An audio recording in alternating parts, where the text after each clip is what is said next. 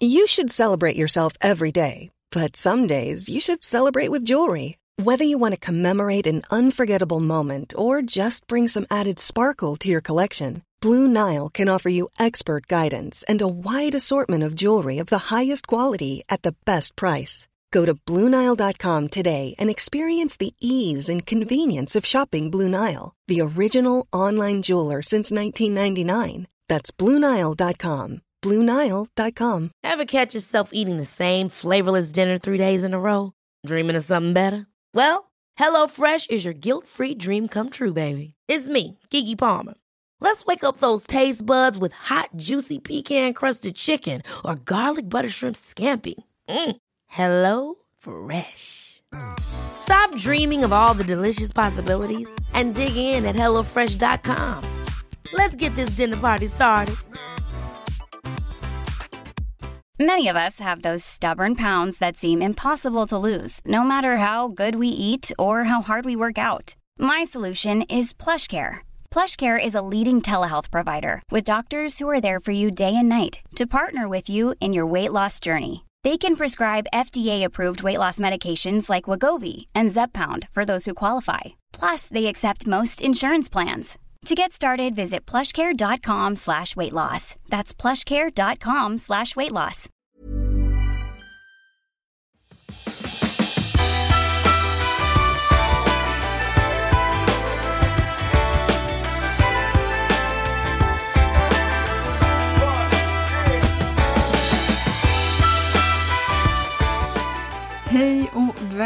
Välkommen till Klimakteriepodden med mig, Åsa Melin. Avsnitt 202. Ja, nu ska vi ta det där pinsamma. Om man lyssnar på vad kvinnor faktiskt tycker är jobbigast när de kommer till klimakteriet och framförallt efter menopaus så är det läckage. Och nu pratar vi inte bara om urinet utan även där bak. Och det värsta är ju att man inte vågar tala om det och tycker att det är otroligt pinsamt att söka hjälp. Resultatet kan ju bli att man undviker en rad situationer som, ja men allt som har med rörelse och träning att göra tänker jag. Och nu behöver jag ju inte känna mig helt ensam om att det droppar ibland. Jag tycker att det går lite i vågor precis som att jag upplever att stressen kan komma och gå. Men nu så vet ju jag att jag måste ta tag i det här med urinläckaget och jag måste ta det på allvar efter att ha lyssnat på veckans gäst Katarina Voxnerud. Jag hade aldrig hört talas om tumtricket tidigare trots att jag verkligen vet hur det är att ha trasslig mage. Vet du vad det är? Ja, oavsett så kommer du lära dig en hel del både om nummer ett och två och det som sitter ovanför och runt omkring. Så välkommen att lyssna.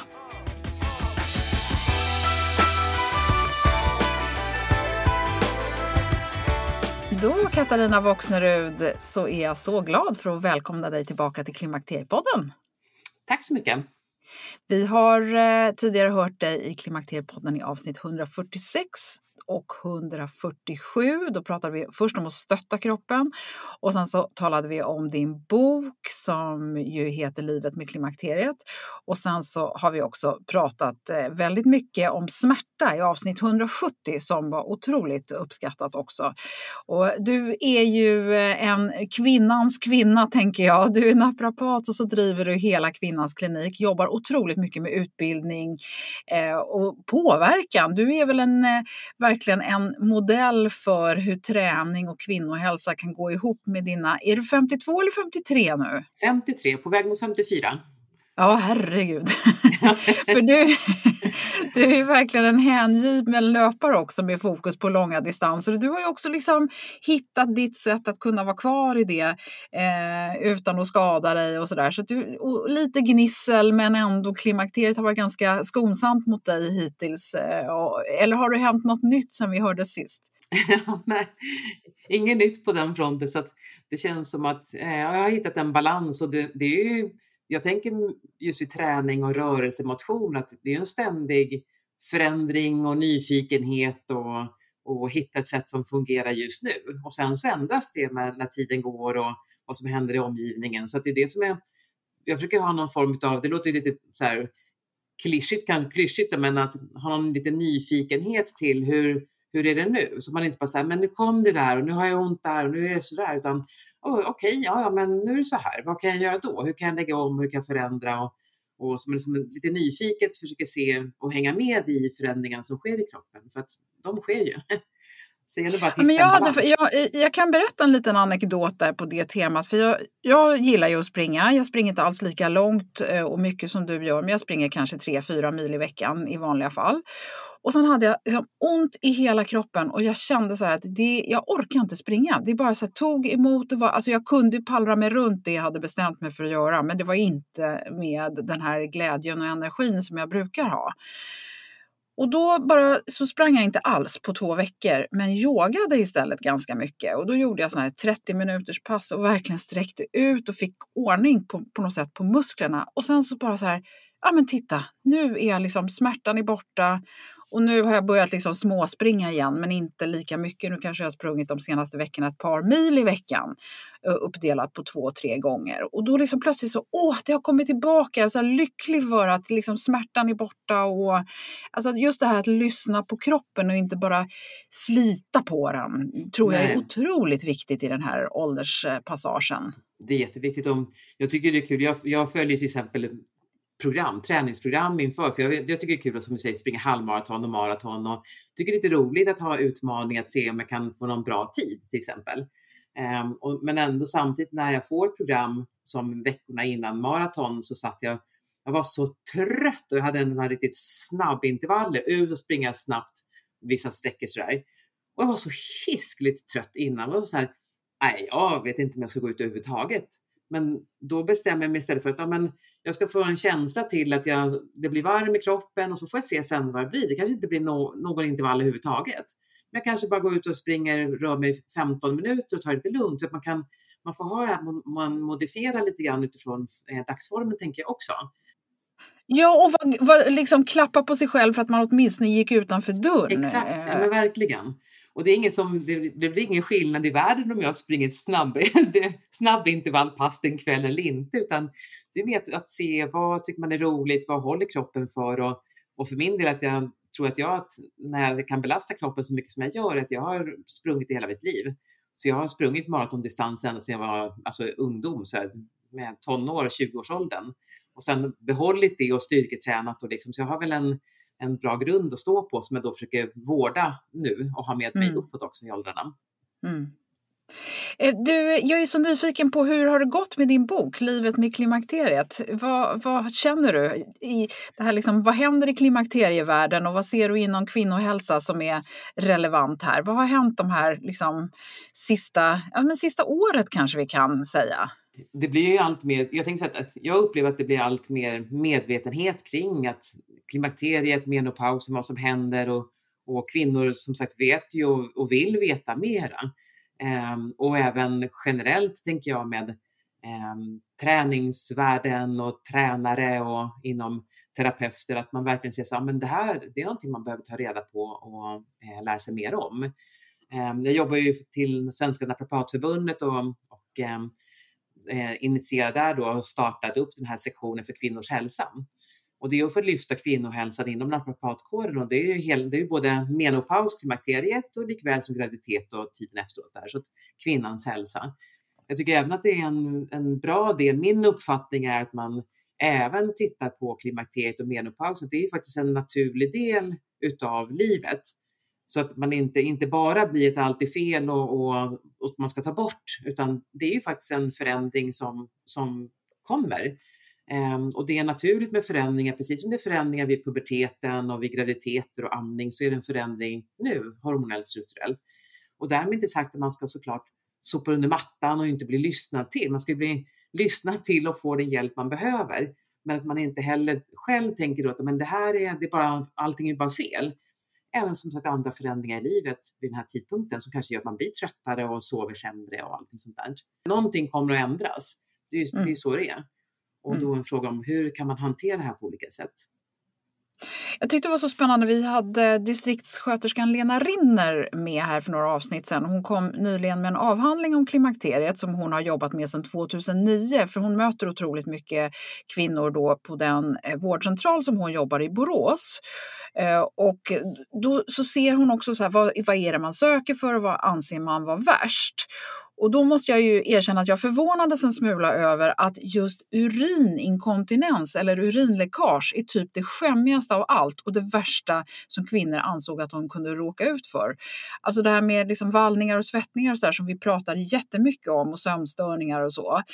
Det är man så medveten om verkar det som. Att det är liksom så här, ja men det, det är okej, men att börja prata om och söka för att man inte kan eh, hålla tätt, det är tydligen riktigt, riktigt besvärligt att prata om.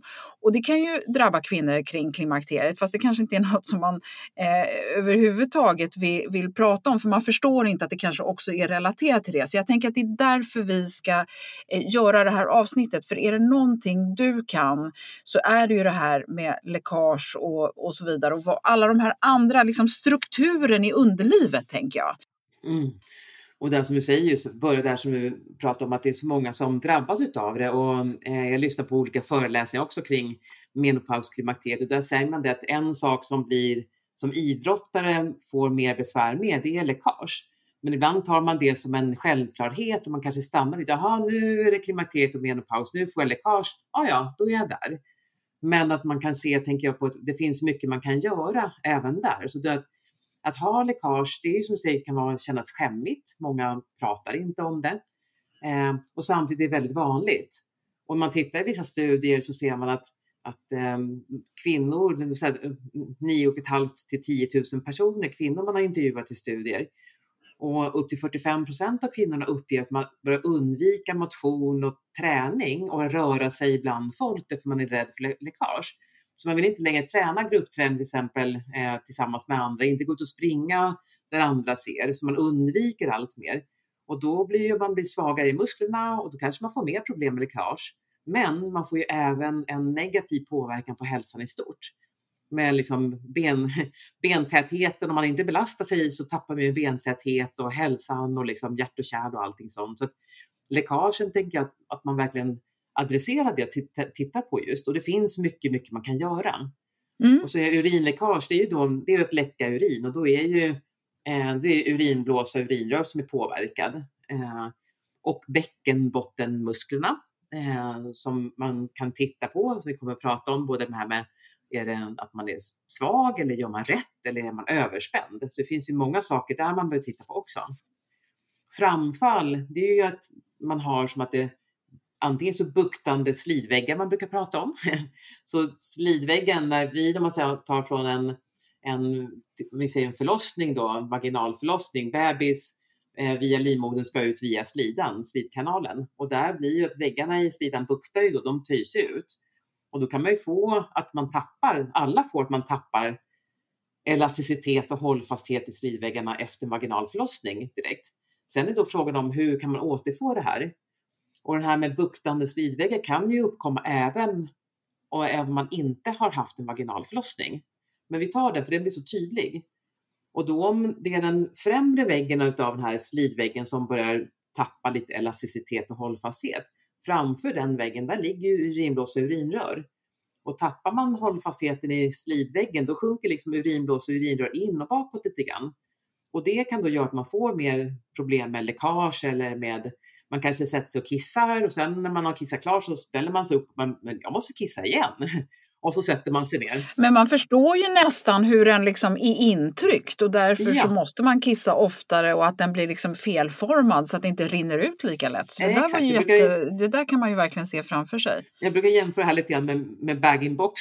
man kan ha en juice i bag-in-box och om man har den här pipen som liksom i slutet när, när bag-in-box håller på att töms då och så blir det kvar vätska som ligger fel ställe där pipen är. Så då måste man liksom skvimpa runt det där lite grann i, i påsen.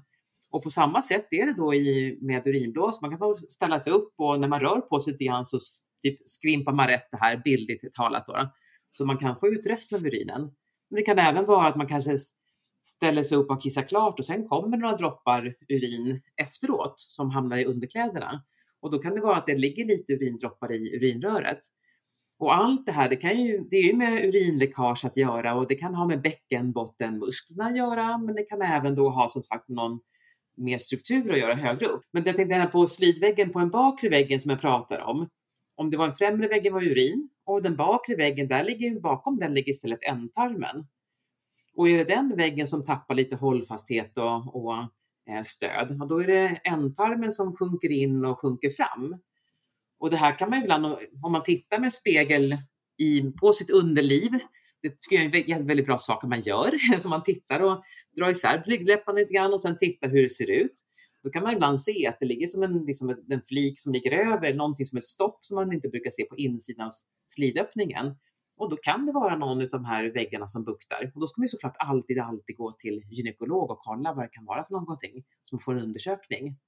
Men den här ändtarmen, då kan det vara istället man gå på toaletten och så försöker man bajsa och så tar man i och försöker krysta och då känns det som att liksom avföringen stannar kvar. Man får liksom inte ut det. Ju mer man trycker desto mer fastnar. Liksom sådär. Så att, eh, det kan vara med läckage, avföringsläckage, det kan vara pruttar, svårt att hålla tätt liksom, med, med, luft och gas och sånt. Så Men vad, vad gör man om man har det här då? Ska man sitta och massera medan man sitter på toa eller vad ska man liksom göra? Man kan ju inte bara Nej, trycka det... och trycka för då har man ju sönder allting ännu mer.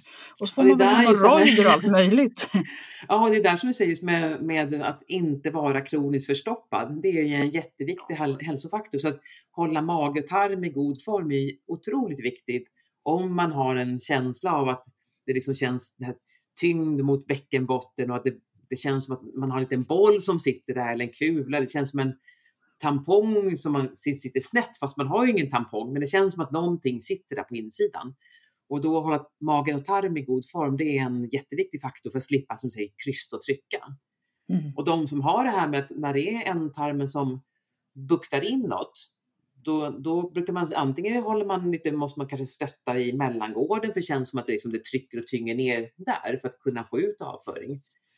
Och här inom, inom kvinnors hälsa, där är det man brukar prata om tumtricket som brukar vara så allmänt känt. Och det är ju att en del kvinnor behöver ha sin tumme och stötta upp bak i slidväggen för att kunna liksom få ut avföringen.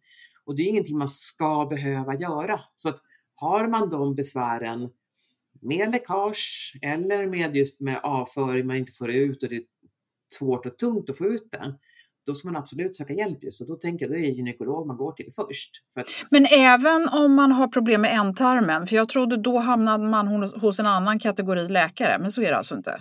Men börja tänker jag hos gynekologen, för gynekologen kan ju se att buktar in i, i slidväggen, buktar in i slidan liksom så. Det är där som gynekologen har sitt och sen hamnar man då hos. Det här är det som är problemet, att upplever jag, tänker att, att det finns på den här lilla korta ytan utav 10 centimeter i vårt underliv, då finns det typ fyra specialister som, som man behöver gå till. Så en är för ändtarmen och en är för slidöppningen, en är för urinet och så har man en för allmänläkaren och tunntarm och allting annat. Så man behöver liksom vara lite grann sin egen detektiv här. Men börja hos gynekologen tänker jag först, bara för att se via slidan och sen få hjälp med att se, är det väggarna som buktar här och hur ser det ut egentligen?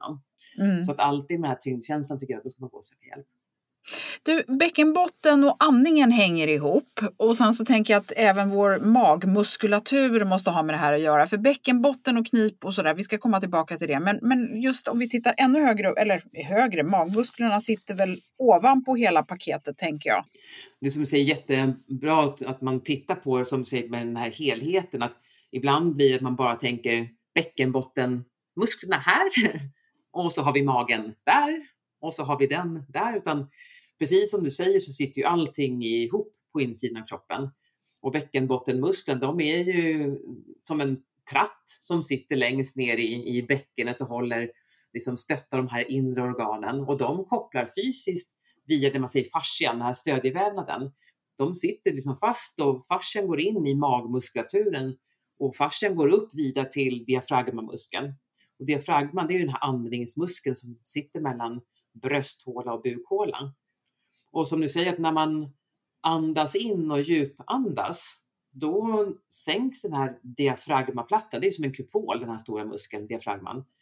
Och när man andas in, då sänks den här kupolen och då puttar det på alla tarmarna, vilket är jättebra tarmmassage. Så därför djupandning är väldigt bra för mage-tarm också. Så hela diafragman sänks, tarmarna puttas ner och då får bäckenbottnen svikta neråt lite helt naturligt och det är helt rätt. Så den får ett litet arbete per automatik och magen sjunker ut och håller emot lite grann när man andas in djupt. Och sen när man andas ut, då liksom lyfts diafragman upp och bäckenbotten följer med upp och magen följer med in. Så det här är som en fin dans liksom mellan alla, alla organ i bäcken, bäckenbotten och magen. Så har man bäckenbotten besvär eller med läckage eller liksom överhuvudtaget, då är det väldigt bra att titta på just med andetaget, andningen tänker jag.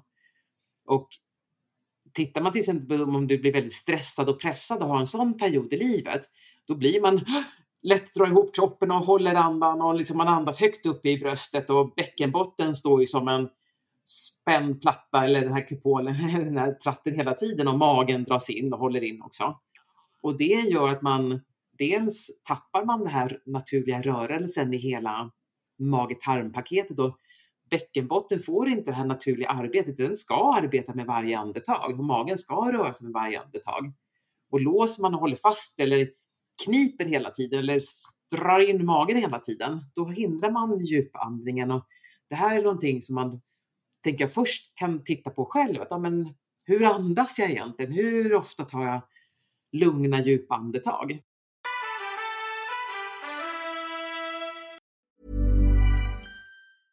Hej, I'm Ryan Reynolds. At Mint Mobile, we like to do the opposite of what Big Wireless does. They charge you a lot, we charge you a little. So naturally, when they announced they'd be raising their prices due to inflation, we decided to deflate our prices due to not hating you.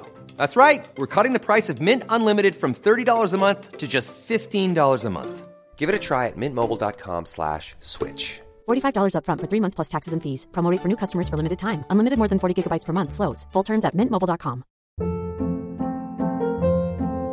Hold up. What was that? Boring. No flavor. That was as bad as those leftovers you ate all week. Kiki Palmer here, and it's time to say hello to something fresh and guilt-free. Hello Fresh. Jazz up dinner with pecan-crusted chicken or garlic butter shrimp scampi. Now that's music to my mouth. Hello Fresh. Let's get this dinner party started. Discover all the delicious possibilities at hellofresh.com.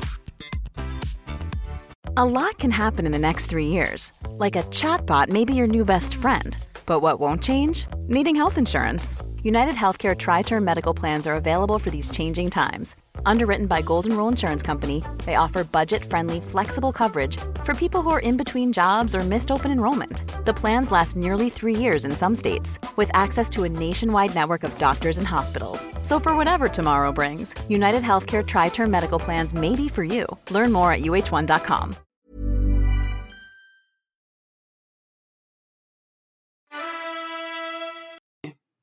Kan andningen och det här med att, lära sig det här med magen och magens muskler och så vidare och bäckenbotten och se hela paketet, kan det också hjälpa med eh, att massera magen och tarmarna förstod jag, men även när det gäller läckaget, om man nu lider av urinläckage, kan även det påverkas av den här? Ja, det som är intressant med urinläckage och läckage överhuvudtaget, det är ju att dels kan det vara, om man tittar nu, om vi går tillbaka till bäckenbottenmuskler, dels kan det ju vara att man inte är tillräckligt stark i bäckenbotten. Att muskler är för svaga helt enkelt. Och är muskler svaga, då kan man se att hela bäckenbottenmuskelplattan kan liksom sjunka ner lite grann och man får svårare att hålla tätt när man, eh, när man ska hålla sig. Så det kan vara en svaghet. Då behöver man ju bäckenbottenmuskelträna. Ett långt och tjusigt ord, eller hur? Mm, det är så kul också framförallt. ja, eller hur? Och det är ju mer knip, liksom, eller hur? Mm. Men sen kan det även vara att läckage kan även bero på att man kanske går och kniper precis hela tiden. Och man är, man är överspänd i bäckenbottenmuskulaturen. Och det är som om du skulle spänna din överarm allt du kan, så du drar handen mot dig allt vad du kan, spänner muskeln på överarmen så hårt du någonsin kan, så går det så i tio timmar. Och sen försöker du gå till gymmet. Alltså man är helt slut i muskulaturen. Så går man och kniper och håller och är överspänd i bäckenbotten, då är den muskeln trött. Så när du sen väl hoppar, hostar, nyser och så här, då har du ingen styrka kvar. Så att även då titta på med att försöka få en avspändhet i bäckenbottenmuskulaturen och att överspänna och knipa lång tid, det kan göra att man får liksom besvär under alltså med bäckensmärta eller läckage eller svårt att tömma urinblåsa just. Just det att man kan inte slappna av och få ut urinen heller. Andningen i sig och det hjälp kommer inte hjälpa läckaget så att säga. Nej, så precis, så, som säger, det är jättebra att du frågar. Så andningen i sig hjälper inte läckaget, men andningen i sig hjälper att man kan slappna av i bäckenbotten på ett bättre sätt, få dit att den kan slappna av och sen att du då, så man andas, när man andas in, då ska ju magen bukta ut och fyllas med luft och bäckenbotten, när man andas in ända ner till bäckenbotten. Och sen när man andas ut, då åker luften ut och allt åker in. Och då kan man träna både och, man kan andas in och slappna av. Och sen så andas man ut och i slutet på utandningen då kan man ta sitt det här knipet och träna på det. Då får man också lättare rätt arbete i bäckenbottenmuskulaturen. Så att andetaget kan hjälpa dig att träna, slappna av när du behöver det, bli starkare så du tränar med det här knipet. Men framförallt på lång sikt att, att kunna få bättre eh, funktion i bäckenbotten och det kan hjälpa att du, får, att du inte får samma läckage. Eh, men sen så kan man ju också fråga sig då, vad är vi kvinnor gjorda för? Är det så här, nej men det är helt naturligt, det är så, vi ska inte hålla på och hoppa studsmatta och rusa runt på maraton och, och ha oss. Eh, vad, vad, är liksom, vad är normalt och när ska man söka hjälp och vad, liksom, måste jag opereras bara för jag har lite urinläckage? Det räcker med att köpa ett par bra eh, inkontinenstrosor eller vad vet jag? Hur ska man mm. tänka där egentligen? Mm, jättemånga bra frågor samtidigt där och, och eh, i min värld så är läckage inte någonting som är, man behöver ha eller och framförallt att man inte i min värld så ska vi kunna hoppa och springa och allting som kvinnor. Och jag tänker som att det är, någon, det är en naturlig rörelse, det har vi alltid kunnat göra. Så att det är någonting du även ska kunna göra sen efter. Det finns ju de som säger så här att ja, men efter 50 så ska man aldrig, ska man inte hoppa och springa längre, man ska inte göra sit-ups. Men eh, vad jag tänker och ser och förstår så är det en, mer en fråga om funktion, eh, om, du kan, om du kan göra de här sakerna. Om du har levt ett stillasittande liv och inte har gjort något mer kanske än, än lugna promenader, då sätta igång och hoppa studsmatta. Det är klart som tusen det kommer läcka. alltså, mm. Men det är ju mer att du inte har tränat upp den styrkan och snabbheten och hållfastheten i musklerna. Så att läckaget i sig är ju ett tecken på att musklerna hänger inte med. Det är för stor belastning för muskulaturen. Men istället för att då säga så här, men då ska inte jag hoppa studsmatta, då kanske man kan tänka sig så här, okej, okay, nu till exempel är det oktober, då kan man sätta igång träning sommaren 2022. att det är nu man tittar på att ja, men då vill jag kunna börja liksom jogga till exempel, om nu knän och resten av kroppen håller för det här såklart. Men för bäckenbottens skull, då vill jag komma igång och börja liksom jogga eller hoppa, försöka hoppa studsmatta eller sånt. Då kan man sätta igång och träna nu. För precis på samma sätt, du skulle inte kunna ställa dig på händerna mot en vägg och sen försöka göra axelhävningar. Alltså man skulle ju rasa ihop om man är otränad på, på axel, axelmuskulaturen på så sätt. Och på samma sätt tänker jag då med bäcken, bäckenbotten att bara för man får ett läckage så innebär det inte att någonting är fel eller skadligt eller sånt där. Men det innebär bara att du har in, man är inte tillräckligt stark eller uthållig för den aktiviteten. Och sen alltid igen då, först kolla upp och sök hjälp så det inte är någonting annat, att det är någon, de här slidväggarna som buktar eller man behöver kanske göra någon, vissa behöver göra ett ingrepp också eller göra en operation. Vissa kan inte bli bra med knipträning eller träning, utan då behöver man ha den hjälpen kan man sammanfatta det med att man ska söka hjälp om man har den här tyngdkänslan, om man eh, kan se eh, med hjälp av spegel att det är någonting som buktar in eller man vet med sig av, av att man har väldigt svårt att få ut sin, sin avföring. Det är då man söker hjälp. Att skvätta lite urin när man hoppar eller springer eller rör på sig, det i sig är inte jag tycker man ska söka hjälp för det också. Jag tycker man ska okay. söka och framförallt därför man, jag tycker man ska titta på alltid vad, vad är det för någonting, hur ser det ut och är det någonting som, som är strukturellt påverkat? Jag menar, det, kan ju även, det är bra om man går till gynekologen regelbundet och det kan ju, finns ju även med myom och cystor och allting annat som finns. Jag säger inte att det är det som påverkar läckage, men jag tycker att man alltid söker hjälp och framförallt tycker jag man ska söka hjälp om man, man besväras i sin vardag utav det. Man känner så här, men jag vågar inte längre vara ute och röra mig och springa bland folk. Då behöver man hjälpen till ett, tänker jag, gynekologen kolla hur det ser ut. Två, hitta vem kan hjälpa dig så att du kan du ser att du tränar rätt? Är du överspänd eller är du svag? Och när man tittar med bäckenbotten och knipträning, då ser man att 30 till 45 procent av alla kvinnor man kniper med, man jobbar med fel muskler. Man jobbar liksom med magen eller skinkorna istället för bäckenbotten.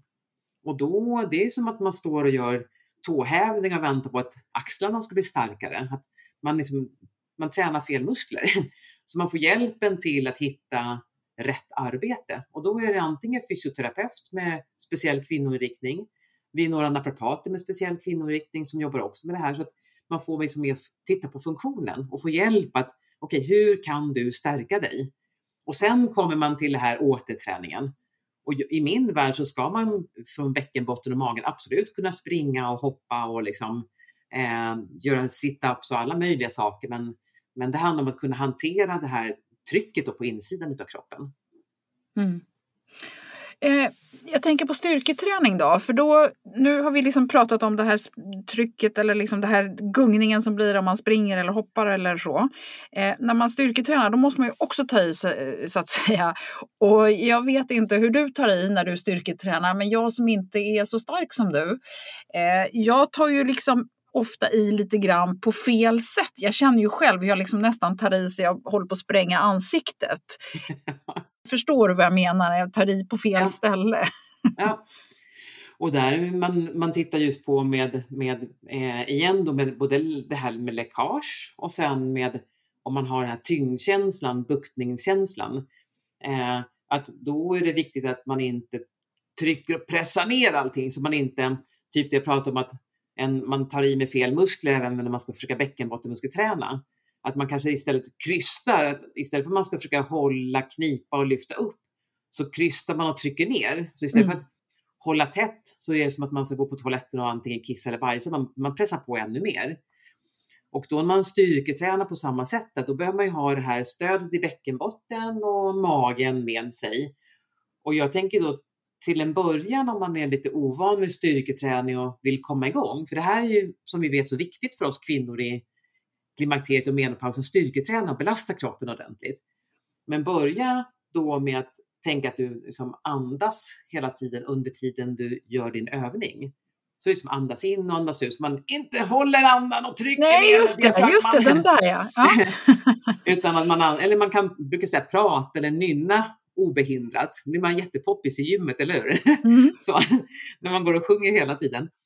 Men, ehm, men det är ett sätt att kontrollera sig själv, att man liksom släpper ut lite tryck genom eh, struplocket så man inte får så högt tryck på insidan av magen och då minskar man risken att trycka på onödigt mycket ner mot bäckenbotten. För är bäckenbotten svagare mot vad magen och den här andningsmuskeln är, då är, då, då är bäckenbotten som liksom börjar tryckas ner istället och då kan man känna en, mera känna tyngdkänslan och, och att man, man kissar på sig nästan eller får läckage. Så en, en stor del med det här, om vi nu går tillbaka till det vi pratade om prolaps, det är ju framfall. Och det är de här buktande väggarna eller liksom att livmodern sjunker ner i slidkanalen.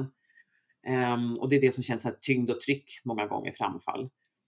Uh, och där, man kan ju ha framfall utan att ha några besvär. Så man kan ju ha buktande väggar och att livmodern har rört på sig lite grann utan att ha något direkt besvär utav det, ha smärta, ingenting. Men har man, känner man de här buktande väggarna, då är det ännu viktigare att man då känner att man, att man blir bra på att lyfta, att man lär sig bra lyftteknik. Så styrketräning är ju bra, men börja med en lätt vikt. Och igen då, ett, kolla upp att du gör rätt med bäckenbotten och stärka eller slappna av. Och två då, hur jobbar du med magen och vad har du för teknik när du tränar? För då är det jätteviktigt, ju mer du kan ha en bra lyftteknik, och den kan du träna då när du styrketränar. Samma teknik kan du använda i vardagen. Annars om du lyfter dina tunga matkassar eller ska knuffa någon möbel eller vad du ska knuffa på, så, så tar du i med och så trycker du in ner och så ökar trycket mot bäckenbotten. Då känner man ju det här trycket och tyngden hela tiden ner mot bäckenbotten. Då blir man ju bara mer och mer orolig också. Så att när man har besvär, man lär sig då att hantera det här, även om man inte, man kanske inte blir att man behöver operera eller något sånt där. Men kan du lära dig att hantera det så behöver du inte ha något besvär utav det. Och där tänker jag styrketräning fyller en stor funktion. För i vardagen, när tyngsta det gör, då blir ju allting tungt och tufft. Så träningen ska ju skapa en överkapacitet. Mm. Men Katarina, jag tänker på det här också när man går i, i, om man inte tränar nu, man kan ju göra otroligt mycket med egen kroppsvikt och man kan köpa några väldigt enkla små redskap att ha hemma. Bara ett gummiband kan man ju komma väldigt långt med. Men många av oss när vi är i gruppträningssessioner eller man är på ett gym, då är man orolig för att slidprutta eller eh, prutta på, på, riktigt och så här. Och då håller man ju in eller håller sig. Är det den typen av spänning, är den en bra spänning eller en dålig spänning? Eh, det, det beror, på utifrån slidprutshållet så är det bra. Ja. Utifrån bäckenbotten blir, eh, väldigt trött när man går omkring och kniper hela tiden. Då är det mindre bra. Så man kanske pruttar sen på slutet av passet bara för att man är så över, man är trött i muskulaturen. Man knips för hårt för lång tid. Så det här med att gå omkring i, i vardagen, att knipa hela tiden, det är inte bra där i vardagen ska man ha en naturlig anspänning i bäckenbotten och magen och då ska man inte knipa extra, utan då blir det att man kan lätt bli överspänd istället och då kommer besvären bara därför. Om du går ut och springer, då ska du inte heller knipa eller dra in magen, utan det här ska funka per automatik då också. Givetvis är det någon som börjar till exempel jogga och så känner man så här, det här var lite tungt mot bäckenbotten. Knip såklart, men tänkt då samtidigt att det här det behöver jag nog titta på och träna med bäckenbotten eller avslappning eller så man checkar upp det. Liksom. Och generellt när du då bäckenbotten tränar, det är ju det här knipa, lyfta upp, men lägg alltid in då en avspänning, djupandning mellan varje knip. Så man inte bara kniper och så kniper man och så kniper. Utan... Analknip, är det samma sak? Eller är det en annan del av bäckenbotten? Eller är det något helt annat? Men det är en jättebra fråga. Det är, det är samma kan man säga. Så att man kan ju knipa antingen med knipa runt ändtarmen och så man håller en fis, knipa muskeln där och så försöka lyfta in och lyfta upp. Då får man med he, hela bäckenbottenmusklerna får man med. Så att det är liksom även de som går runt själva analöppningen, de går fram och fäster hela vägen fram mot, mot eh, blygdbenet. Men sen kan man då även träna på att försöka känna den här känslan, knipa runt slidöppningen. Typ att man tänker sig att man när man hade tampong eller hade menskopp, att man kniper runt det och så försöker suga och lyfta upp. Mm. Sen det här med urinröret, man kan ju tänka sig att man ska knipa och stänga urinröret, men där blir det väldigt litet lyft. Och sen ska man ju inte träna när man sitter och kissar. För att när man kissar, då ska ju muskeln i bäckenbotten slappna av så att urinen kan rinna ut. Det är det som är hela tanken. Så att börjar man bäckenknipträna när man sitter och kissar och kniper av urinstrålen hela tiden, då går man ju helt emot egentligen sina, sina reflexer i kroppen. Mm. Man kan ju testa det någon gång för att känna, ah, okej, okay, där är den, så där kniper jag av strålen och, och så där känns det. Men det är inte där man ska träna. Ja, det är, alltså det är mycket med det här.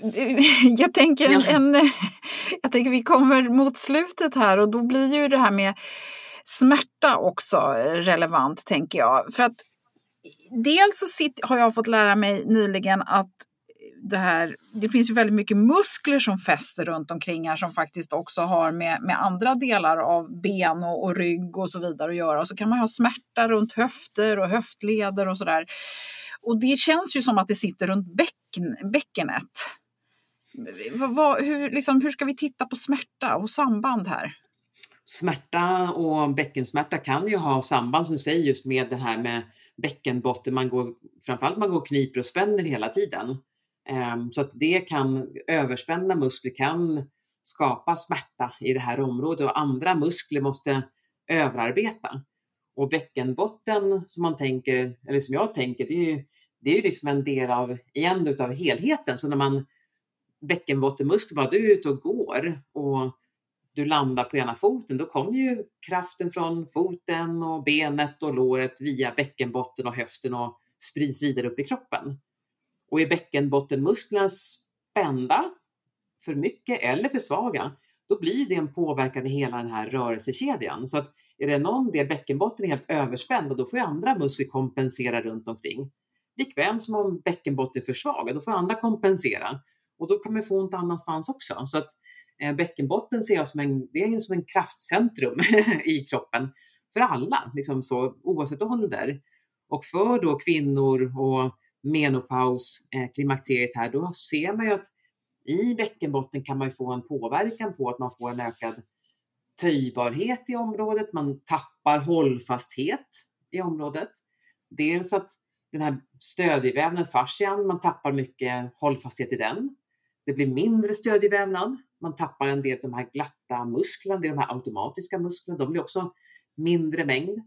Och man tappar faktiskt även fett. Och här i underlivet har man väldigt viktig stödjande funktion, visst fett, som ligger på insidan av sittbenen och stöttar upp.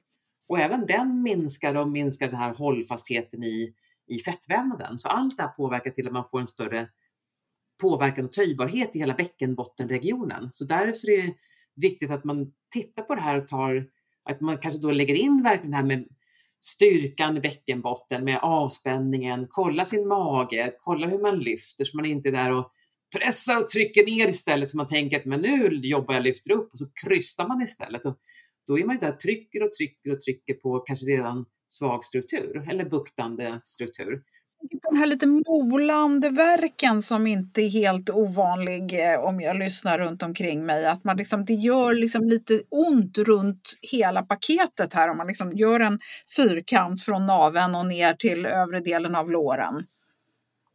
Det kan vara bäckenbotten som är inblandad och det kan ju såklart vara eh, jättemycket annat också. Men eh, det kan ju bäckenbottenmuskeln, de ligger ju väldigt nära kopplade till höftleden också.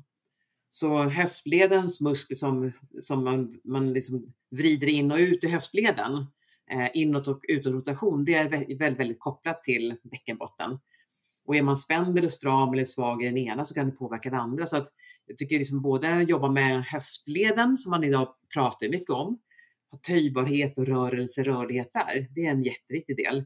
Och det kan även påverka in i bäckenet och upp i bålen. Så att smärta kan bero på väldigt många olika saker som, som vi just pratade om, det här är smärt, smärtkapitlet, mm. smärtavsnittet. Men att man igen då tittar på att okej, okay, vad kan jag göra då? Hur kan jag träna, variera och träna och växla på olika sätt? Både töjbarhet och styrka och styrketräning och som du säger styrketräning, egen kropp, gummiband, utegym. Man behöver liksom inte eh, gå till något gym och lyfta alltså skivstänger utan det går att göra på massa andra sätt också. Mm. Nej men för egen del lite grann där jag började också var så att när jag hade, nu bara för några veckor sedan, kände liksom den här smärtan i hela kroppen så vad jag inser nu var dels så hade det med stress att göra och det är väl förmodligen då att jag inte liksom andas och kan inte slappna av utan jag spänner hela kroppen och då känns det absolut inte bra att springa. Och då med liksom de här yogapassen och bara gå igenom kroppen, sträcka ut den tvinga mig själv att andas ordentligt. Så på liksom någon vecka så var det ju oändligt mycket bättre med smärtan. Mm. Så det är också intressant tror jag att liksom faktiskt fundera på hur har jag det i livet? Vad är det runt omkring mig som kanske gör att jag har ont? Det är ont, alltså smärta kommer från många håll tänker jag. Mm. Och smärta är som sagt det är hjärnans tolkning av situationen. Det är hjärnan som skapar smärtan. Och då när man har att det, det är mycket input från olika ställen och hög stressnivå, sömnen är jättepåverkad, påverkar också smärta väldigt mycket. Och blir det här att man stressar mycket, sover dåligt och sen har du saker som händer i muskler och fascia och allting i kroppen dessutom, då, gör, då blir det smärta.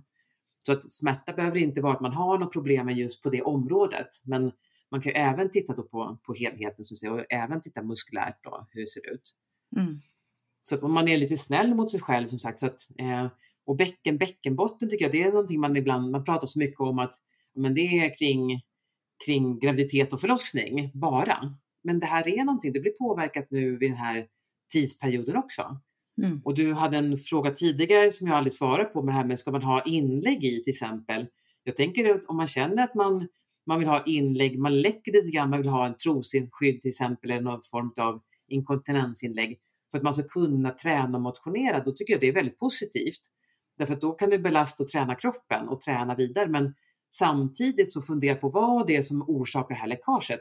Är det någonting, är jag svag, är jag överspänd eller är det någonting annat? Ska mm. jag göra någonting åt det här eller inte? Mm. Ja, och sen har du ju gett jättebra tips med var man ska söka hjälp för vad. Så, och det är väl det som är jobbigt då, att söka hjälp för något som man, man skäms över. Men då kan vi eh, tryggt berätta att väldigt, väldigt, ja, merparten av alla kvinnor faktiskt känner av det här. Så att man behöver inte skämmas, utan tvärtom. Det är, ingen, nej, verkligen, det är ingenting att skämmas över, utan titta på det mer som att man har ont i en tånagel. Liksom sånt, och det söker man också hjälp för. Liksom sånt, att det är det som hindrar att man kanske kan gå och springa och röra sig. Så att, mm. då är att man tittar på det här på samma sätt, det är bara muskler. Men mm. de sitter på ett ställe där liksom det har blivit tabu. Och, och visst, jag, jag vet väl också om att det är inget trevligt att läcka och man tänker med lukt och sådana saker. Men verkligen, man söker hjälp för att alla vi som jobbar med det här, jag jobbar själv väldigt mycket med det här och, och jag har, och vi har inget problem. Man tycker inte det är ett dugg konstigt att, man, att det är läckage. Det är liksom, okej, okay, men hur, vad gör vi åt det här nu då? Så att den du går till och söker hjälp hos, den tycker inte det är ett dugg pinsamt eller mm. tycker det är något konstigt. Bra! Härligt Katarina! Det, det, blir alltid mycket kunskap med dig. Det är spännande för du också, jag tycker du är väldigt duktig på att liksom ge kunskapen på ett, ett strukturerat sätt. Jag skulle bara säga det sista ska börja bli så här, absolut sista. Så att jag brukar se huset beskriva kroppen som ett gammalt hus. Ett fint så här, gammalt hus som man alltid renoverar. Så det är alltid någonting som man tittar på. Jag tänker man kan bara titta på sin kropp på samma sätt så att man inte bara säger åh nej, nu är det där igen. Men det är, man, det är någonting som man behöver adressera och lite mera, ge lite mer kärlek åt varenda, varenda tillfälle. Så att då går man runt och plockar runt. Så att man, ju fler år man får använda sin kropp, så kanske vi har desto mer att titta på och försöka hantera på olika sätt. Mm. Jättebra. Tusen tack Katarina. Det var eh, jättekul att få ha dig med i Klimakteriepodden igen. Jag är jätteglad för det. Vi ska lägga upp några länkar också som eh, kan vara intressanta och relevanta på klimakteriepodden.se och på Klimakteriepoddens Facebook-sida. Så stort tack Katarina för att du ville vara med. Tack att jag blev inbjuden.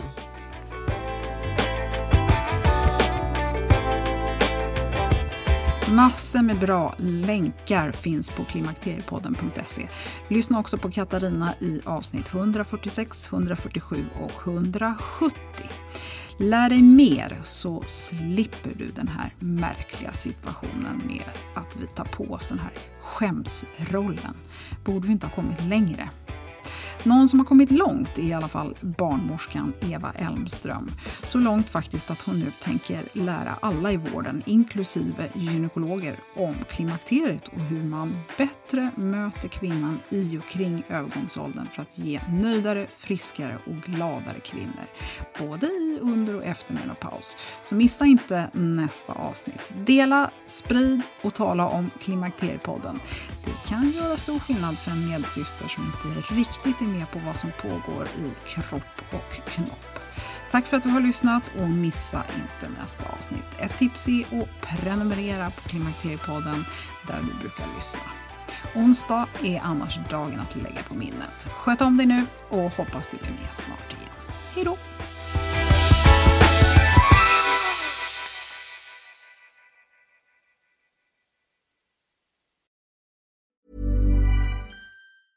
Ever catch yourself eating the same flavorless dinner three days in a row? Dreaming of something better? Well, HelloFresh is your guilt-free dream come true, baby. It's me, Kiki Palmer. Let's wake up those taste buds with hot, juicy pecan-crusted chicken or garlic butter shrimp scampi. Mm. Hello Fresh. Stop dreaming of all the delicious possibilities and dig in at HelloFresh.com. Let's get this dinner party started. Hi, I'm Daniel, founder of Pretty Litter. Cats and cat owners deserve better than any old fashioned litter. That's why I teamed up with scientists and veterinarians to create Pretty Litter. Its innovative crystal formula has superior odor control and weighs up to 80% less than clay litter. Pretty Litter even monitors health by changing colors to help detect early signs of potential illness. It's the world's smartest kitty litter. Go to prettylitter.com and use code ACAST for 20% off your first order and a free cat toy. Terms and conditions apply. See site for details. Even when we're on a budget, we still deserve nice things. Quince is a place to scoop up stunning high end goods for 50 to 80% less than similar brands. They have buttery soft cashmere sweaters starting at $50, luxurious Italian leather bags, and so much more. Plus, Quince only works with factories that use safe, ethical, and responsible manufacturing. Get the high-end goods you'll love without the high price tag with Quince. Go to quince.com slash style for free shipping and 365 day returns.